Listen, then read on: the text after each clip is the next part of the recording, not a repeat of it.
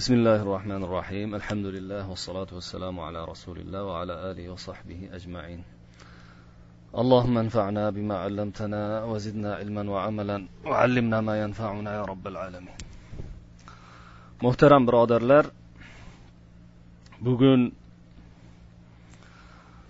dunyodagi eng pokiza vujud hisoblanmish payg'ambar sollallohu alayhi vasallamni siyray muborakalarini o'zimizni qudratimiz yetganicha bilganimizcha o'rganishga harakat qilamiz. Shu siray nabaviyani o'rganishga kirishishdan avval ba'zi bir nuqtalarni men o'rtaga tashlashni xohlardim. O'sha nuqtalardan eng muhimi bu biz siray nabaviyani ya'ni rasululloh sollallohu alayhi vasallamni tarixlarini o'rganishdan bo'ladigan bizni musulmonlarni maqsadi nima? Nima uchun siray nabaviyani o'rganamiz? Ma'lumki payg'ambar sollallohu alayhi vasallam ushbu dinni o'zimiz mana shu ibodat qilayotgan butun hayotimizni qamrab olishi kerak bo'lgan islom dinimizni tatbiqiy amaliy suratlari o'sha kishi hisoblanadilar. Yana payg'ambarimiz sollallohu alayhi vasallamni siyratlaridan zohidlar zuhd ma'nosini o'rganadilar. Ibodat qanday bo'lishini o'rganadilar. Qanchalik dunyoga berilmaslik kerakligini o'rganadilar. Tijoratchilar tijorat yo'llarini o'rganadilar. Tijoratda bo'ladigan muomalalarni o'rganadilar. Dinida balolanganlar dinida musibatlanganlar esa qanchalik sabr qilish kerakligini din yo'lida musibat ko'rish orqali qanchalik ajr kelishiyu din yo'lida musibat ko'rganlar qanchalik darajada sabr qilish kerakligini payg'ambarimiz sollallohu alayhi vasallamni siyratlaridan o'rganadilar. Alloh subhanahu va taologa bo'lgan eng komil ishonch qanaqa bo'lishini oqibat baribir taqvodorlarniki ekanligiga bo'lgan iymon qanchalik bo'lishini shu payg'ambar sollallohu alayhi vasallamni siyratlaridan o'rganadilar. Esingizda bo'lsa payg'ambarimiz sollallohu alayhi vasallamni ashoblari makkada habbob ibn al arat degan sohiblari ammor ibn yosir degan e, sahobiylari bilol ibn raboh degan sahobiylari va boshqa abdulloh ibn masud ham va boshqa bir qancha sahobiylar qiyinchilik ko'rib chiday olmay ketganliklaridan payg'ambar sollallohu alayhi vasallamni oldilariga kelib habbob arat hikoyasida esingizda bo'lsa aytadilarki rasululloh sollallohu alayhi vasallam kabani devoriga suyanib o'tirgan ekanlar biz bordikda yo rasululloh ey ollohni payg'ambari. Qiynalib ketdik. Bizga nusrat so'rab g'alaba so'rab bir duo qilib bermaysizmi? deb so'radi. Shunda yonboshlab turgan kishi g'azabdan o'tirib oldilarda aytdilarki sizdan ilgari o'tgan kishilarni dini tufayli faqatgina o'sha haq dinga ergashganliklari tufayli olib kelinib o'sha din dushmanlari boshlarini tepasidan arra qo'yib ikkiga bo'lib yuborishardi. Turli azoblarni berishardi lekin o'sha narsalarni birontasi ularni dinidan to'sib qo'ymas edi. Sizlar shoshayotgan qavm ko'rinasizlar. Nimaga buncha shoshasizlar? degan gapni qildilar hozirgi paytda dini tufayli xususan mana hozirgi paytda qo'zg'alib qolgan hijob masalasi hijobi tufayli qiynalayotgan opa singillarimiz o'sha payg'ambar sollallohu alayhi vasallamni shu nasihatlarini eslasinlar. Din kelgandan keyin albatta imtihon keladi.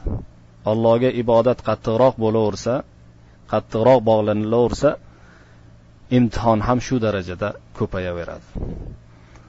Payg'ambarimiz sollallohu alayhi vasallamni yana bir hadislari bor. Ashaddun nasi balaan al anbiya deydilar musibat eng qattiq keladigan kishilar balo imtihoni qattiq keladigan kishilar payg'ambarlardir summal amsalu fal amsa keyin o'sha diniga qarab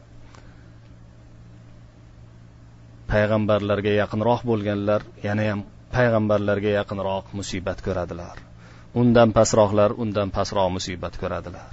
Yubtalar rajulu ala qadri dinihi deydilar o'zini ko'tarib turgan diniga qarab allohga bo'lgan itoatiga qarab bandaga imtihon kelaveradi balo kelaveradi. Deydilar. Payg'ambar sollallohu alayhi vasallamni sunnatlaridan siyratlaridan ulamolar o'zlariga kerakli bo'lgan ollohni kitobini fahmlashdagi o'zlariga kerakli bo'lgan yo'llarni o'rganadilar. Turli islom yo'llarini to'g'ri tushunchalariga ega bo'ladilar.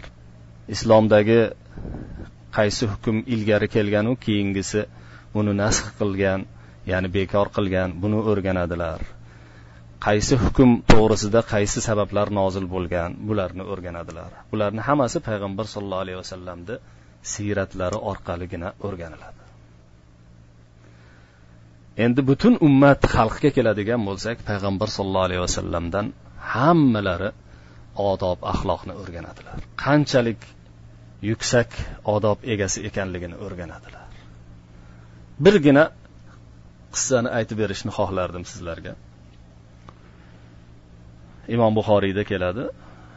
Abu hurayra roziyallohu anhudan rivoyat qilinadi. Payg'ambar sallallohu alayhi vasallam u kishi aytadilarki bitta odam payg'ambar sollallohu alayhi vasallamni oldiga qarzini so'rab keldi. Shunaqangi qo'pollik qildiki sahobalar o'rinlaridan turib unga javob qilishmoqchi bo'ldi.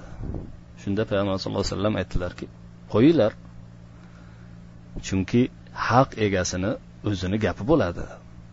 Ya'ni haq egasi haqini talab qilib kelgan. Shunda payg'ambar sollallohu alayhi vasallam aytdilarki yonidagi turganlarga qarab u tuya so'rab kelgan edi. O'sha o'zini bergan tuyasida tuyani berib yuboringlar dedilar. Shunda yo rasululloh uni o'zini bergan tuyasida tuya yo'q ekan zo'rrog'i bor ekan chiroylirog'i semizrog'i bor ekan deyishdi. Payg'ambar sallallohu alayhi vasallam beringlar dedilar. Chunki fa inna xayrakum ahsanukum qadoan dedilar. Yoki fa inna min xayrikum ahsanakum qadoan dedilar. Sizlarni eng yaxshilaringizdandir. O'sha qarzini chiroyli qilib ado etadigan kishi yaxshilaringizdandir anas ibn molik roziyallohu anhu hikoya qilgan hadisdagi payg'ambar sollallohu alayhi vasallamni muomalalari ham ajoyib bir e'tiborga molik hisoblanadi. Hozirgi paytda ayniqsa biz hozir muomalalar krizisini boshimizdan o'tkazayotgan vaqtimizda shunaqa narsalarni esimizda tutsak ko'proq o'zimiz uchun foydali bo'ladi. Hazrat anas molik aytadilarki bitta arobiy kelib payg'ambar sollallohu alayhi vasallamni oldilariga kelib namozdan qaytayotgandilar to'nlaridan yaktaklaridan ushlab turib shunaqangi tortdiki munkib ketdilar. Bo'yinlariga qip qizil bo'lib to'nni jiyagi botib ketdi bo'yindagi jiyagi deydi. O'zingiz o'ylab ko'ring. Payg'ambar sollallohu alayhi vasallam o'sha vaqtda dunyoni boshqarayotgan demasak ham o'sha yerdagi musulmonlarni boshqarayotgan katta bir yetakchi edilar. Payg'ambar bo'lishliklaridan tashqari uni ustiga eng afzal payg'ambar edilar. Qo'llari ostida hamma askarlar turardi. Bir imo qilsalar hamma narsa bo'ladigan zot edilar shunaqa zotni kelib bir ko'chadagi bir oddiy bir odam shunaqangi etagidan ushlab tortdiki munkib ketdilar hatto.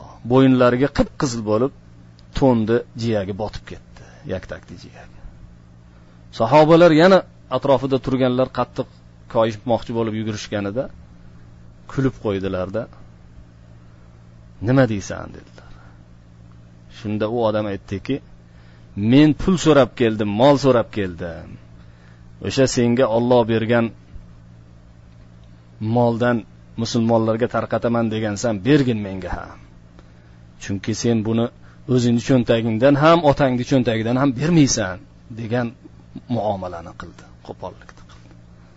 Payg'ambar sallallohu alayhi vasallam uning gaplariga kuldilarda atrofida turgan sahobalardan biriga qarab bunga o'sha baytul moldan musulmonlar uchun tayyorlangan moldan bo'lsa berib yuboringlar dedilar.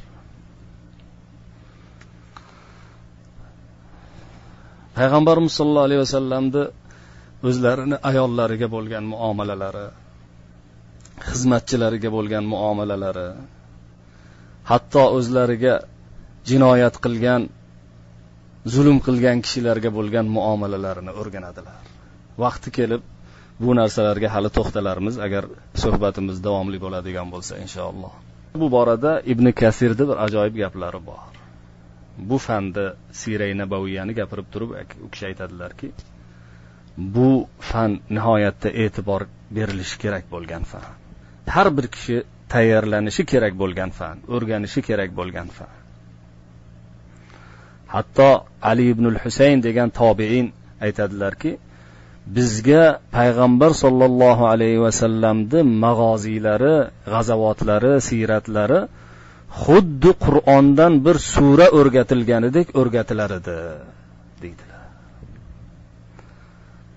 Mashhur imom zuhriy degan kishi bu kishi ham kichik tobeinlardan hisoblanadilar u kishi aytadilarki mag'oziy ilmida ya'ni payg'ambar sallallohu alayhi vasallamni yurish siyratlari ilmida oxirat va dunyo ilmi bor deyishadi. Haqiqatda ham o'zingiz o'ylab ko'ring. Tarixda o'tgan ulug'larni podsholarni yetakchilarni shoirlarni faylasuflarni boringki ko'zga ko'ringan kishilarni ko'zingizdan kechiring xayolingizdan o'tkazing. Dunyoda ergashilishi kerak bo'lgan har bir qadamida ergashilishi kerak bo'lgan muqtado bo'lib bo'ladigan biron bir siyrat qoldirganmi birontasi? Yo'q. Payg'ambar sollallohu alayhi vasallamni siyratlari esa payg'ambar bo'lishlaridan balki tug'ilishlaridan boshlab to vafotlarigacha kunma kun soatma soat zikr qilingan. Payg'ambarimiz sollallohu alayhi vasallamni siyratlari tepada aytganimizdek odamlarni shirk zulmatidan axloq zulmatidan ibodatni buzuqlari zulmatidan tavhid nuriga iymon nuriga go'zal axloq nuriga chiroyli amallar nuriga boshlash uchun kelgan. Shuning uchun ham qur'onda ahzob surasida payg'ambar sallallohu alayhi vasallamga alloh subhanava taolo aytadiki ya ayyuhan nabiyyu inna arsalnaka shahidan va mubashshiran va nadiran va da'iyan ilallohi biiznih va sirojan munira. Ey payg'ambar biz sizni o'sha dunyodagi kishilarga guvoh qilib ularni jannat bilan bashorat beruvchiyu do'zaxdan qo'rqituvchi qilib olloh yo'liga doiy qilib da'vatchi qilib o'zini izni bilan da'vat qiluvchi qilib va nurli chiroq qilib yubordik deydi. Bu bir payg'ambar sallallohu alayhi vasallamni siyratlarini o'rganishdan bo'lgan maqsadlardan bittasi edi. Yana bittasi bizni o'zimiz uchun foydali bo'lgan jihati bor. Biz bu pokiza zotni siyratlarini iymonimiz ziyoda bo'lishi uchun u kishini rostliklariga bo'lgan ishonchimiz yanada ortishi uchun o'rganamiz. Payg'ambar sollallohu alayhi vasallamni mo'jizalarini o'qish payg'ambarlikka dalolat qiluvchi narsalarni guvohi bo'lish iymonni ziyoda qiladi. Payg'ambar sollallohu alayhi vasallamni rostgo'yligiga yanada ishonchni orttiradi. Bu kishining chiroyli siyratlarini o'rganish. Siyrat kitoblari zarhal nom bilan desak ham bo'ladi zarhal nom bilan yozib ketgan ulug' holatlarini o'rganishimiz bu zotni nechog'li kamoliga yetgan zot ekanligiga nechog'li ulug'ligiga nechog'li rostgo'yligiga dalolat. Yana bir maqsadlardan bittasi payg'ambar sollallohu alayhi vasallamni siyratlarini o'rganishimizdan bo'lgan maqsadlarimizdan bittasi bu kishini siyratlarini qalbimizda u kishini muhabbati ziyoda bo'lishi uchun ham o'rganamiz. Chunki inson tabiatida borki kimni hayotini ko'proq o'rganaversangiz o'shani hayotiga yaqinlashib shaxsiyatiga yaqinlashib orada bir ko'rinmas rishtalar bog'lanaveradigan bo'lib qoladi. Biz shuning uchun ham payg'ambar sallallohu alayhi vasallamni muhabbatlari ko'proq ziyoda bo'lishi uchun kishiga bo'lgan muhabbat ziyoda bo'lishi uchun o'rganishimiz qayta qayta o'rganishimiz lozim bo'ladi. Chunki payg'ambar sollallohu alayhi vasallamni har bir holatlari u kishiga so'zsiz muhabbat qilishga u kishini yaxshi ko'rishga boshlab qo'yadi o'zi. U kishini siyratlarida kelgan ulug' axloqlar chiroyli muomalalar odamlarni hidoyatiga bo'lgan u kishini qanchalik haris bo'lishlari odamlarni tuzalishiga bo'lgan qanchalik jonkuyarliklari yaxshilikka bo'lgan jonkuyarliklari o'zlarini shu odamlarni shu zulmatdan nurga olib chiqish yo'lida o'zlarini mollariyu jonlarini hech qachon ayamasliklari odamlarni o'ylashlari bu kishini qanchalik ulug' kishi ekanligini ziyoda ma'lum qiladi. Muhabbatimiz yanada ziyoda bo'ladi. Shuning uchun ham alloh taolo bu kishini maqtab kishini shu sifatlarini aytib surai tavbani oxirida aytadiki laqad jaakum rasulun min anfusikum. Ey quraysh ahli u odamlar sizlarga o'zlaringni ichinglaringdan payg'ambar e, keldi. Bir farishtalardan olib kelib qo'yganimiz yo'q. Shu o'zlaringni ichinglardan payg'ambar keldi.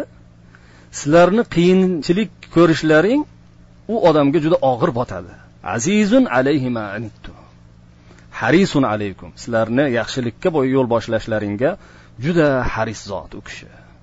Bil mu'minina raufur rahim. Mo'minlarga nihoyatda mehribon rahmli bo'lgan kishi bu kishi deydi. Yana bir oyatda sura nunda va innaka la ala xuluqin azim. Siz nihoyatda katta axloq ustidasiz deb maqtaydi. Chunki payg'ambar sollallohu alayhi vasallam hayotlarini davomida o'zlari uchun nafslari uchun biron marta intiqom o'ch olmaganlar. O'zlarini nafslari uchun xursand bo'lmaganlar afsus chekmaganlar kulmaganlar g'azablanmaganlar faqat o'zlarini nafslari uchun shaxsiy manfaatlari uchun qilmaganlar. G'azablangan bo'lsalar ham xursand bo'lgan bo'lsalar ham afsus chekkan bo'lsalar ham o'ch olgan yoki intiqom olgan bo'lsalar ham faqatgina ollohni dinidagi qilganlar mana bir misollaridan o'zlarini ummatlariga bo'lgan harisliklari ummatlarini o'ylashlariga bo'lgan jonkuyarliklariga misol bo'lgan narsalardan bir ikkitasini olaylik. Kabaga kirishlarini olaylik. Bir kuni payg'ambarimiz sallallohu alayhi vasallam kabaga kirdilar. Oysha onamiz hikoya qiladilar. Oysha onamiz aytadilarki uyda o'tirsam payg'ambar sollallohu alayhi vasallam xuddi boshlariga dunyo musibati tushganday yerga qarab kirib keldilar. Shunda yo rasululloh nima bo'ldi tinchlikmi? deb so'radim. Shunda kabaga kiruvdim dedilar.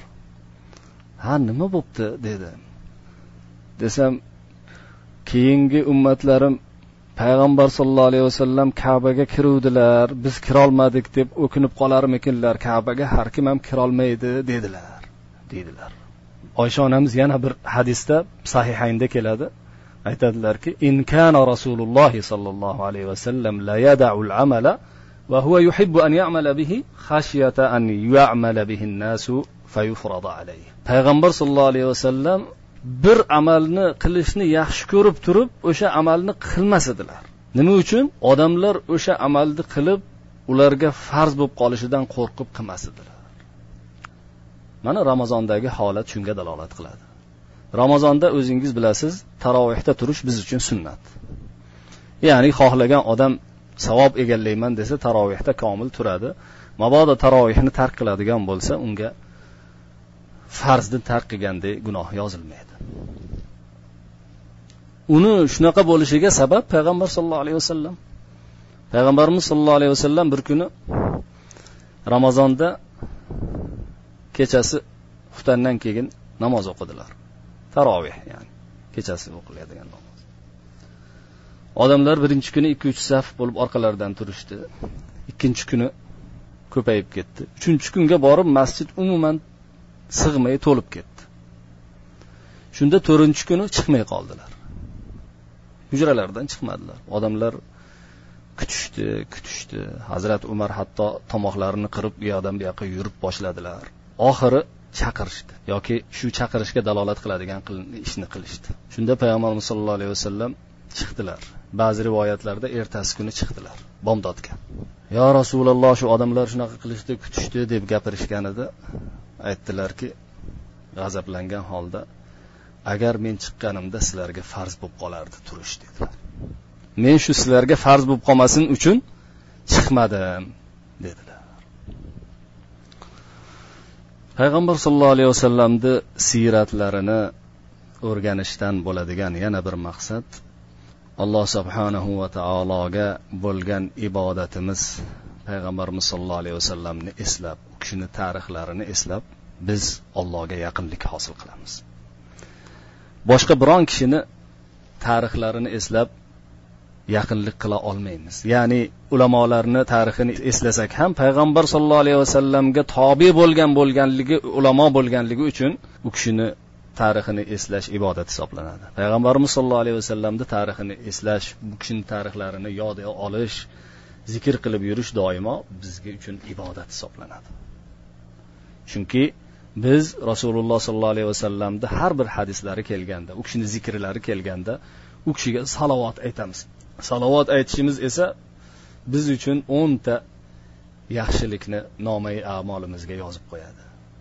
Alloh subhanahu va taolo qur'onda innalloha va malaikatahu yusalluna ala nabiy ya ayyuhallazina amanu sallu alayhi va sallimu taslima deydi. Alloh subhanahu va taolo va uni farishtalari payg'ambarga salovat yuboradilar. Endi payg'ambarlarga ollohni salovat yuborishi qanday ma'noni bildiradi farishtalarni salovat yuborishi qanday ma'noni bildiradi bularni keyingi agar fursat bo'lgan vaqtlarda aytib o'tarmiz hozir endi ma'no shu salovat yuboradi deb aytib o'tib ketaveramiz. Ya ayyuhallazina amanu sollu alayhi. Ey iymon keltirgan bandalar u kishiga salovat yuboringlar va salom yuboringlar deydi alloh subhanahu va taolo. Imom muslim o'zini sahihlarida hazrati abu hurayra roziyallohu anhudan rivoyat qiladilarki payg'ambar sallallohu alayhi vasallam aytdilarki man solla alayya solatan vahidatan sollallohu alayhi biha ashra. Kimki menga bir marta salovat yuboradigan bo'lsa alloh subhanahu va taolo unga o'n salovatni yuboradi. Endi shunda yana bir aytib o'tadigan bir muhim narsalardan biri bor shu muqaddima sifatida. Payg'ambarimiz sollallohu alayhi vasallamni hayotlari umuman din kelgan yo'limizni har bir nuqtalari san'at bilan bizga yetib kelgan ya'ni uzilish yo'q orada. Dunyodagi qanday xalqni tarixiga borib qaravering payg'ambar ilgarigi payg'ambar boshqa payg'ambarlarni tarixiga qaravering bu narsani topolmaysiz bunga islomga zid bo'lgan kishilar ham o'zlari tan olib bu narsani ko'p aytib o'tishgan. San'at bilan rivoyat qilinishi shu ummatni eng buyuk ne'matlaridan ularga inom qilingan katta ne'matlardan deyishadi.